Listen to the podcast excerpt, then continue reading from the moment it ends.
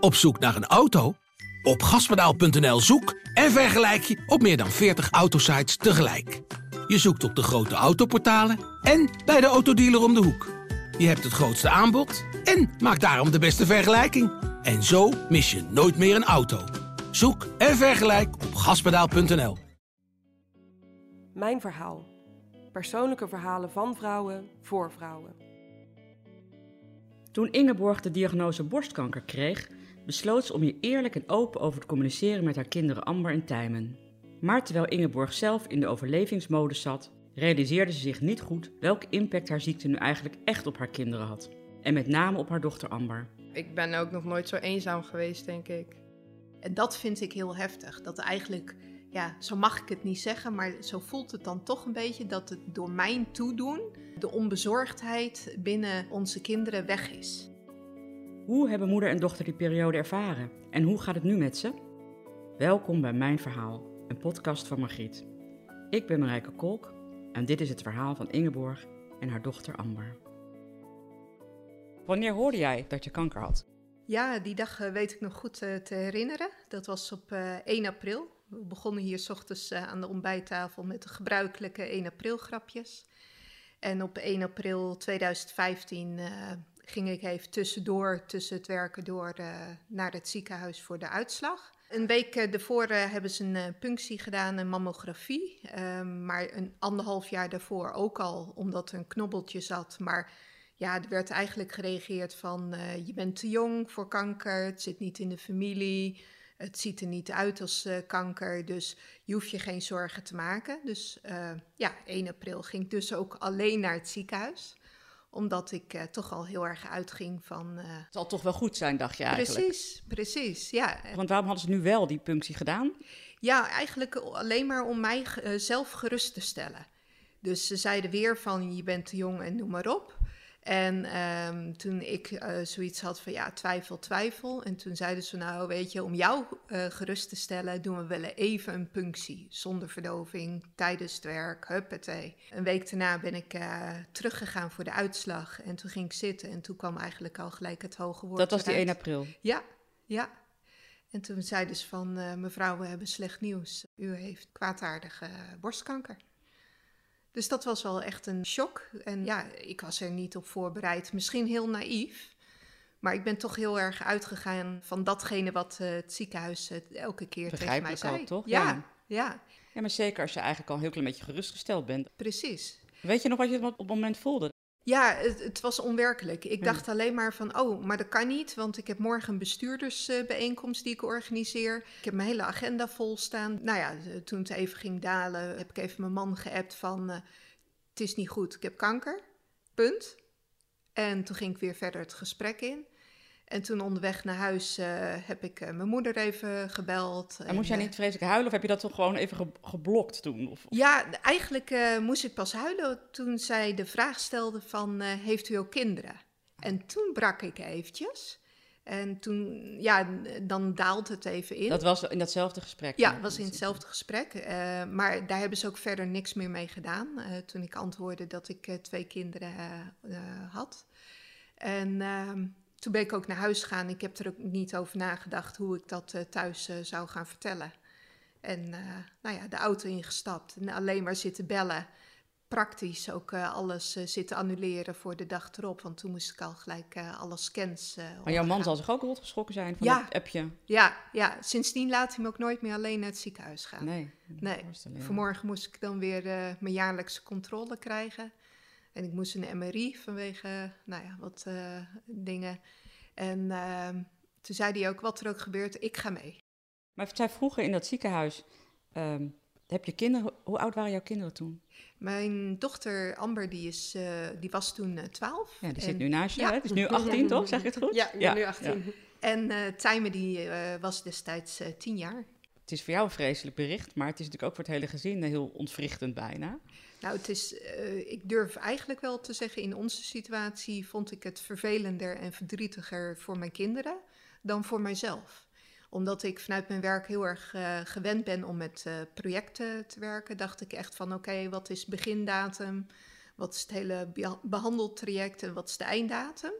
Dus meer rationeel erin uh, zitten. Ja, mijn kinderen, daar had ik nooit bij nagedacht van uh, wat dat met hun zou doen. Dan ga ik even naar je dochter. Want kan jij dat moment nog herinneren? Ja, ja, ik kan het heel goed herinneren. Ik zat precies hier links op deze bank. Ik wist niet eens volgens mij dat mijn moeder naar het ziekenhuis was. Ja, mijn moeder die denkt altijd, nou, ik ga wel, het zal wel, bla bla bla. En ik weet nog heel goed, um, mijn moeder kwam via de deur huilend binnen. En ik had mijn moeder nog nooit in mijn leven zien huilen, nog nooit. Echt, maar echt hard huilen, niet een beetje. En ik dacht toen eigenlijk van... Um, de slechte 1 april grap geweest of zo. Ik dacht er echt nog helemaal niks van. Uh, want ze kwam binnen en mijn vader gaf mijn moeder gelijk een knuffel. Toen hoorde ik ze een beetje praten en toen stond ik hier zo op het hoekje. Probeerde ik een beetje mee te luisteren van wat is er aan de hand. Want ik durfde nog niet helemaal er naartoe te gaan. Toen kwam ik naar mijn moeder toe en toen draaide ze zich om. En toen pas zag ik eigenlijk echt hoe hard ze gehuild had. dacht ik echt, wow, hier is echt iets gebeurd. En toen, toen boog ze een beetje beneden. En toen zei ze van ja, Amber ik heb, ik heb borstkanker. Ik heb wel wat mensen horen zeggen van, toen stortte je wereld echt in. En ik wist niet wat dat betekende tot op dat moment. Je voelde echt, je knieën werden gewoon zwak, je hoofd werd licht. Je dacht, ja, en nu? En uh, morgen dan, wat gaan we doen? Uh, hoe gaat dit gebeuren? En toen wist ik ook echt niet wat ik bij mezelf aan moest. Eigenlijk niemand hier. Mijn moeder ging naar boven. Toen heb ik haar nog even getroost. Heb ik bij haar gezeten ik had het niet zien aankomen. En ja, kanker, dat, dat voelt alsof alleen andere mensen dat krijgen of zo. En nu ben jij zelf de dupe ervan. Ja, ik weet op het moment nog heel goed. Toen ben ik naar een vriendinnetje gegaan. Toen had ik de eerste keer dus moeten zeggen, ja, mijn moeder heeft kanker. Denk je dan ook, mijn moeder gaat dood? Ja, dat was het eerste wat ik dacht. Ja, dat woord kanker zit toch nog steeds voor ons allemaal zo snel met de dood uh, ja, maar beweven. Dat, is ook het risico ervan. En dan denk je van, nou, misschien is het dan wel over een jaar dood. Toen mijn zoon uh, thuis kwam van school, uh, toen zei ik van, nou, neem maar even plaats, ze moeten je wel even wat vertellen. En toen vertelde ik van, nou, mama heeft borstkanker. Was de eerste vraag, ga je nu dood? Ik zeg, nou, dat was ik niet van plan. Mooi, dan heb je geen echte kanker. Hoe heb je daar daarna binnen het gezin over gesproken? Ja, dat is heel grappig om uh, achteraf te concluderen dat dat eigenlijk de wegen een beetje gescheiden zijn. Als ik dan kijk hoe wij dat vanuit het oudersperspectief hebben beleefd, dat is heel erg van, nou, we zijn heel erg open en transparant geweest en ik heb continu gecommuniceerd wat er ging gebeuren, de uitslagen ook uh, verteld en ja, ik had ook helemaal niet door dat dat zoveel impact op ons kinderen zou hebben. Toen niet, maar ook in de periode daarna niet. Daar heb ik eigenlijk helemaal niet zo over nagedacht. Want ik dacht, ja, we zijn open naar elkaar toe, dus we vertellen alles. Maar dat hebben de kinderen totaal anders uh, beleefd. Want die hebben dat heel erg vanuit het perspectief beleefd uh, van ja, mama vertelt niet alles. En we geloven ook niet wat je zegt, want je wil ons sparen in het verhaal. Oh ja, klopt dat? je, ja, ja, voelde jij dat ook zo? En als mama dan iets vertelde, ja, ik wist niet wat al die woorden betekenen. En ik vroeg er ook nooit per se echt naar, omdat ik dacht, ja, stel er is iets slecht, dan zegt ze het toch niet. Want mama is eerst van, nou, ik regel het eerst zelf wel. En dan achteraf vertel ik wel wat er is gebeurd. Wat uit bescherming is. Maar dat creëert wel heel veel onzekerheid en vragen en uh, ja, een soort wantrouwen. Omdat je denkt, ja, ik weet niet echt wat er gebeurt. Dus Tijmen en ik, mijn broertje en ik, hebben me nooit tegen elkaar over gepraat. Ik heb er eigenlijk, voor zover ik me kan herinneren, nooit met papa en mama over gepraat. Niet met mijn vriendinnen. Eigenlijk gewoon met niemand. wat eenzaam moet dat zijn geweest voor jou? Ja, ik, ik, ben ook nog nooit zo eenzaam geweest, denk ik. En voelde jij dat? Nee, dat heb ik in uh, die periode niet zo ervaren. Omdat ik zo bezig was om te overleven. En um, dat klinkt gek, maar op het moment dat je de diagnose krijgt uh, van uh, u heeft kanker, dan word je geleefd. Want je gaat van de operatie naar de bestralingen, naar alle behandelingen, naar alle afspraken, naar revalidatie, naar, nou ja, noem maar op. En uh, je wordt zo overweldigd door de aandacht van je collega's of je klanten of je, je naasten. Uh, ja, daar heb je eigenlijk helemaal geen tijd uh, voor. En omdat ik dat ook niet uh, zo door had, ja, ben ik daar ook niet zo heel erg op ingegaan. En neem je jezelf dat kwalijk? Ja, ja, ja, ja. ja. Kijk, uiteindelijk anderhalf jaar na dato, na de diagnose, dat, dat ik eigenlijk wel weer aan het opbouwen was en aan het werk was, um, zag ik veel meer klachten bij Amber terugkomen. Dat ze zich steeds meer terugtrok en steeds meer verdriet had. En zij kon gewoon het vertrouwen niet meer opbouwen, want ze hebben altijd tegen mij gezegd: U zult geen kanker hebben. Uiteindelijk bleef, bleek dat dus uh, toch het geval te zijn. En later zeiden ze: U zult geen uitzaaiingen hebben. En bleek dat toch het uh, geval uh, te zijn. En dat wantrouwen, dat bleef Amber zo ervaren. En uiteindelijk uh, heeft zij anderhalf jaar na de dato een uh, hele mooie brief aan mij geschreven. Uh, eigenlijk aan kanker, maar dat heeft ze aan mij voorgelezen. Nou, dat was de tweede keer dat Amber mij heeft zien huilen. Want dat, maar wat knap van jou, want jij zegt net zelf van... nou, ik heb dat eigenlijk best alleen verwerkt. Ik heb er niet met mijn broertje afgesproken en niet in het gezin afgesproken. Nee. Maar dan wel de kracht om die brief te schrijven en die voor te lezen. Ja, nou, dat kwam eigenlijk omdat ik zo alleen was. Ik, ik ben al niet goed in praten. Daardoor ben ik gaan schrijven. Want ja, ik, ik moest het toch op een manier uitlaten. En je hebt ook heel veel vragen van... ach, waarom mijn moeder, ze, ze drinkt niet, ze rookt niet. Maar ja, die vragen kan niemand beantwoorden behalve een soort van de kanker zelf. Dus toen heb ik een brief aan ja, kanker geschreven als uitlaatklep. Juist omdat ik niemand had om mee te praten. En ik weet eigenlijk niet meer waarom ik dat aan mijn moeder heb laten lezen. Maar ik had hem af en ik was er eigenlijk best trots op. En ik dacht van, nou, ik, uh, ik weet nog dat ik naar haar toe kwam. Ik zei, mama, ik heb wat. En toen zijn we even boven gaan zitten, toen heb ik hem voorgelezen. En ik denk dat mama toen pas besefte van, oh, volgens mij uh, zit het wat dieper dan dat ik dacht. Wat herinner je nog vooral uit die brief? De eenzaamheid. De eenzaamheid waarmee Amber te maken had. Ja, dus dat liet je wel heel erg horen ook in die brief eigenlijk. Ja, ja en ik heb het niet bewust opgeschreven, maar dat straal je gewoon uit. Wat was jouw belangrijkste emotie? Was het dan boosheid, onmacht, verdriet? Ja, de onzekerheid. Onzekerheid van hebben ze het nu wel goed? Misschien is er morgen weer wat aan de hand. Krijgen ze weer een uitslag? Of misschien is er al iets aan de hand, maar weet ik dat nog niet ik las in een onderzoek dat meisjes juist in die leeftijd, met een moeder die kanker heeft, juist heel erg depressief en angstig worden bijvoorbeeld. Ja. Was, waren dat ook jouw klachten? Ja, absoluut. Ja. ja. En na die brief dacht je, nu, moet, nu moeten we hulp gaan zoeken? Ja, we, op het dieptepunt um, heb ik echt externe afspraken afgezegd, omdat ik er voor Amber hier thuis uh, wilde zijn. Kon je nog functioneren, Amber? Nee, ik denk op een gegeven moment, omdat ik er zo lang in mijn eentje mee heb rondgelopen. En toen gebeurde er ook nog wat op school. En toen stortte ik gewoon in. Toen had ik geen energie meer. Ik was denk ik elke week wel een dag ziek of zo van school. Ik, ja, ik kon gewoon echt niet meer. En jouw broertje? Ja, niks. Ja. nee? Voor hem was het uh, feit dat ik niet doodging uh, goed genoeg. Goed genoeg. Maar die praten er verder ook niet over? Nou, Nee, hij heeft er niet over uh, gepraat. Maar uh, s'avonds dan uh, zag ik hem in één keer bij zijn zus in bed liggen. En dan zei ik van de volgende dag van waarom lag Timer bij jou in bed? Ja, dan had hij weer een nachtmerrie gehad dat ik toch dood ging. Hij kon het uiteindelijk samen met Amber wel een plaatje geven. Maar uiteindelijk heeft het hem wel wat gedaan. Ja.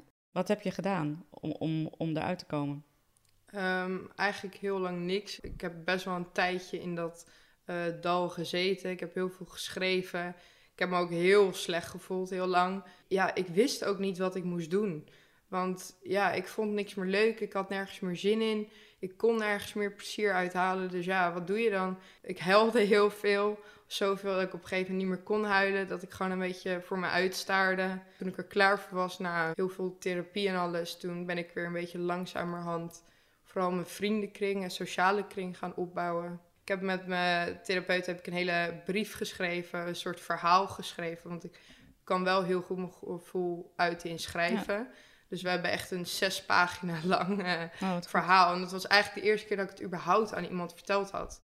En Ingeborg, weet jij nog een moment dat voor jou echt een heel moeilijk moment was? Ja, dat was eigenlijk het moment uh, dat Amber die brief had geschreven. Daarvoor had het betrekking op mijzelf. En nu had het in één keer betrekking op onze kinderen. En dat vind ik heel heftig. Dat eigenlijk, ja, zo mag ik het niet zeggen, maar zo voelt het dan toch een beetje dat het door mijn toedoen de onbezorgdheid binnen uh, onze kinderen weg is. Was dat anders geweest als daar direct na de diagnose vanuit het ziekenhuis was gezegd... en we gaan jou ook hulp bieden voor je gezin. Ja, zeker, zeker. Want dan had ik er bewust over nagedacht. En uh, nu overkwam het mij. Is het uiteindelijk helemaal spaak gelopen. En pas toen uh, kwam ik tot dat inzicht. En toen moesten we uiteindelijk uh, vanuit de min weer hulp bieden en opbouwen. Dus het is per definitie denk ik heel ingrijpend. Ja, ja dat klopt. En per leeftijdscategorie ook anders. Ja, ja pubers gaan daar weer anders mee om dan hele kleine kinderen. En uh, binnen gezinnen wordt er ook heel anders mee omgegaan. Hè? Het ene gezin die kiest er bijvoorbeeld voor, en dat hoor je toch nog best regelmatig, om er helemaal niks over te vertellen. Maar uh, dan weten de kinderen nergens van. Maar ze voelen van alles. In één keer komt er heel veel visite over de vloer. Uh, moet moeder of vader in één keer heel veel naar het ziekenhuis. Is heel veel weg. En de kinderen weten niks. Ja, en dat is ook wel een hele lastige situatie. Terwijl andere uh, gezinnen, ja, die gaan er weer heel anders mee om. Die vertellen alle ins en outs. Ja, is dat misschien wenselijk? En wat is het beste inderdaad, hè? Wat is ja, het beste? Ja, dat zul je per gezin, uh, zal dat verschillen. Het was voor jou in ieder geval aanleiding, deze ervaringen die je zelf hebt ondervonden, om een stichting op te richten. Ja, klopt. Eigenlijk uh, nadat ik weer hersteld uh, was, heb ik best wel veel met ook andere gezinnen gesproken, waarvan een van de ouders ook kanker heeft gekregen. En je hoorde heel vaak van, ja, er is helemaal geen aandacht of te weinig aandacht voor die kinderen. En toen dacht ik van, nou, ik ben in de gelukkige omstandigheden dat ik mij weer goed voel laat ik de handschoen oppakken om iets voor andere gezinnen te kunnen betekenen. Vervolgens heb ik uh, Stichting Langs de Zijlijn uh, opgericht. Echt om aandacht te vragen en ondersteuning te bieden aan kinderen op het moment dat een van hun ouders getroffen wordt uh, door kanker. En hoe gaat dat in zijn werk? Nou, wij zijn met verschillende dingen bezig. Um, het leukste, en dat is ook het meest zichtbaar, is dat we één keer per jaar een grote landelijke dag organiseren waarbij niet de ziekte uh, voorop staat, maar het gezin. En dat is echt een leuke dag voor kinderen. Het biedt de opening binnen een gezin om ook met elkaar daarover te praten. Hebben jullie het samen ook besproken, toen je, eh, Almar, toen je moeder daarmee bezig was met het opzetten daarvan? Mijn moeder werkt zo snel. Binnen no time had ze al een hele stichting uh, klaarstaan. Dus ik heb er niet heel veel van meegegeven. Nu wel hoor. En toen het eenmaal stond en ze is echt begonnen met er uh, een van de beste vrienden. En dan had ze een neef die dan filmde. En ze zei, oh, ga een keer mee. Dus het is echt begonnen met... Uh, dan zat er elke week een bestuur van uh, drie vrienden hier... met een koffie en een theetje. En dan zaten ze een plan te maken van... nou, wat gaan we doen? Hoe gaan we dit aanpakken? Wie gaan we vragen? Hebben ze een heel plan opgesteld. En zo is het echt, ze is er echt elke dag mee bezig. En post ze dan even bij jou van, uh, denk je dat dat een goed ja, idee is? Vooral over dat social media of wie is er nou hip onder de jongeren? Wat is het beste wat ik nu kan doen? Wie kan ik het beste vragen? Ja. Dus uh, dat uh, doet ze wel. Maar naast die dag, wat, wat ja, doen jullie nog meer naast, naast die dag? Naast die dag zijn we bezig met de gemeente Dronten om een landelijke brochure te maken die gezinnen kunnen krijgen op het moment dat ze getroffen worden door kanker. Daarnaast hebben we een samenwerkingsverband met de Universiteit Gemeente Utrecht. Dronten, omdat jij in Dronten woont? Ja. De Universiteit Utrecht heeft een grootschalig onderzoek gedaan naar de impact uh, uh, van kanker op een gezin. En die resultaten zijn in boekvorm uitgegeven. En die gaan we ook uh, uitreiken op onze landelijke dag op 30 oktober. En het mooie daarvan is dat er een praktisch ouderboek is. En er is een heel mooi, informatief, praktisch kinderboek. En dat is wel heel uniek. En we zijn met de politiek bezig om het op uh, de agenda te krijgen dat in plaats van dure zorg achteraf er preventieve zorg gaat komen. En als je nou terugkijkt hè, naar wat je nu tot nu toe hebt meegemaakt en wat jullie hebben meegemaakt binnen het gezin, zijn er ook mooie dingen? Ja, zeker. Het heeft ons gezin nog dichter uh, naar dichter, elkaar toe uh, gebracht. Uh, sowieso Stichting Langs de Zijlijn, dat we dit voor zoveel andere gezinnen kunnen organiseren. En het mooiste is natuurlijk de band met onze kinderen. En dat Amber er veel sterker uit is gekomen dan vijf, zes jaar geleden. Ja de band die mama en ik nu ook hebben, dat is echt mega bijzonder. Eh, ik ben elke keer als ik weer bij iemand thuis kom en ik zie een gezin, denk ik, ach, wat ben ik toch blij met wat wij hebben. En we hebben heel veel waardering en heel veel respect naar elkaar gekregen. En ook veel meer openheid. Ik bedoel, iedereen weet wat zijn valkuil is. Iedereen weet waar hij goed in is. En iedereen is zich daarvan bewust. Dus dan let je daar ook op. En ja, het maakt je als gezin gewoon veel beter. Want hoe zagen jouw diepste dagen eruit? Kon je dan wel naar school bijvoorbeeld? Nee. Nee, en al, al was ik op school, ik had altijd oortjes in. Ik had eigenlijk geen vrienden. Ik was echt een beetje het zwarte schaap op dat moment. Ik praatte niet met mensen. Je hoort niet vaak ehm, in je nabije omgeving dat er nog iemand precies door hetzelfde heen gaat. Op zo'n landelijke dag heb je allemaal kinderen die hetzelfde hebben. En dan denk je, oh, maar ik ben helemaal niet alleen. En daar kan je mee praten, want iemand die er niet doorheen gaat, kan je niet mee praten, want die snapt je gewoon niet. En hij probeert het wel en dat waardeer je heel erg, maar je kan er niet mee praten. En op zo'n landelijke dag leer je ook een meisje van 16 kennen. En dan zeg je, oh ja, dat heb ik ook meegemaakt. En dan praat je gewoon hetzelfde erover. En dan zit je gewoon in een groep kinderen precies hetzelfde als jij. En dat mis je zo erg, want je voelde je zo ja, alleen van, ja, wat, gebeurt me nou? En daar heb je iedereen die het heeft. En dat maakt een hele sterke, goede groep ook. Snap ik. En hoe gaat het nu met jou? Heel goed. Ja, ja, echt heel goed hoor. Ik uh, geniet echt van alles wat ik doe en ben er echt sterker, echt heel sterk uitgekomen. Je doet nu een HBO-opleiding, hè? Ja, je? en ik heb, ik heb er heel veel plezier van. En ook al gebeurt er iets vervelend, denk ik, nou, als ik daar ben uitgekomen, moet dit ook wel lukken. Ben je nog wel eens bang? Dat je denkt, oh... Van, uh, nou, zoals vandaag, als we dan MRIA, ben ik altijd wel benieuwd en ik hou me er wel mee bezig. Maar ik heb wel geleerd dat je er niet de hele dag mee gaat zitten. Vroeger zou ik dan de hele dag slecht gevoeld hebben, een beetje niks gedaan hebben. En nu uh, denk je, ja, weet je, kan er, het is buiten mijn bereik, ik kan er niks aan doen. En het komt, wat er ook gebeurt, ook al is het nu een slechte uitslag, het komt toch wel goed. Of het nou linksom of rechtsom is. Want dat dus heb je wel geleerd, dat het niet per se... Al het gaat niet altijd hoe je wilt, maar het komt wel goed. Ja. En hoe gaat het met jou? Ja, het gaat heel goed. Uh, ik ben dankbaar uh, dat ik er ben en dat uh, nou ja, ons gezin zo sterk is. Dat gun ik ook andere gezinnen. De keerzijde van Stichting Langs de Zijlijn, de Landelijke Dag, is dat je ook elk jaar weer ziet dat de bezoekers die er dit jaar weer zijn, dat daar toch ook weer ouders van overleden zijn.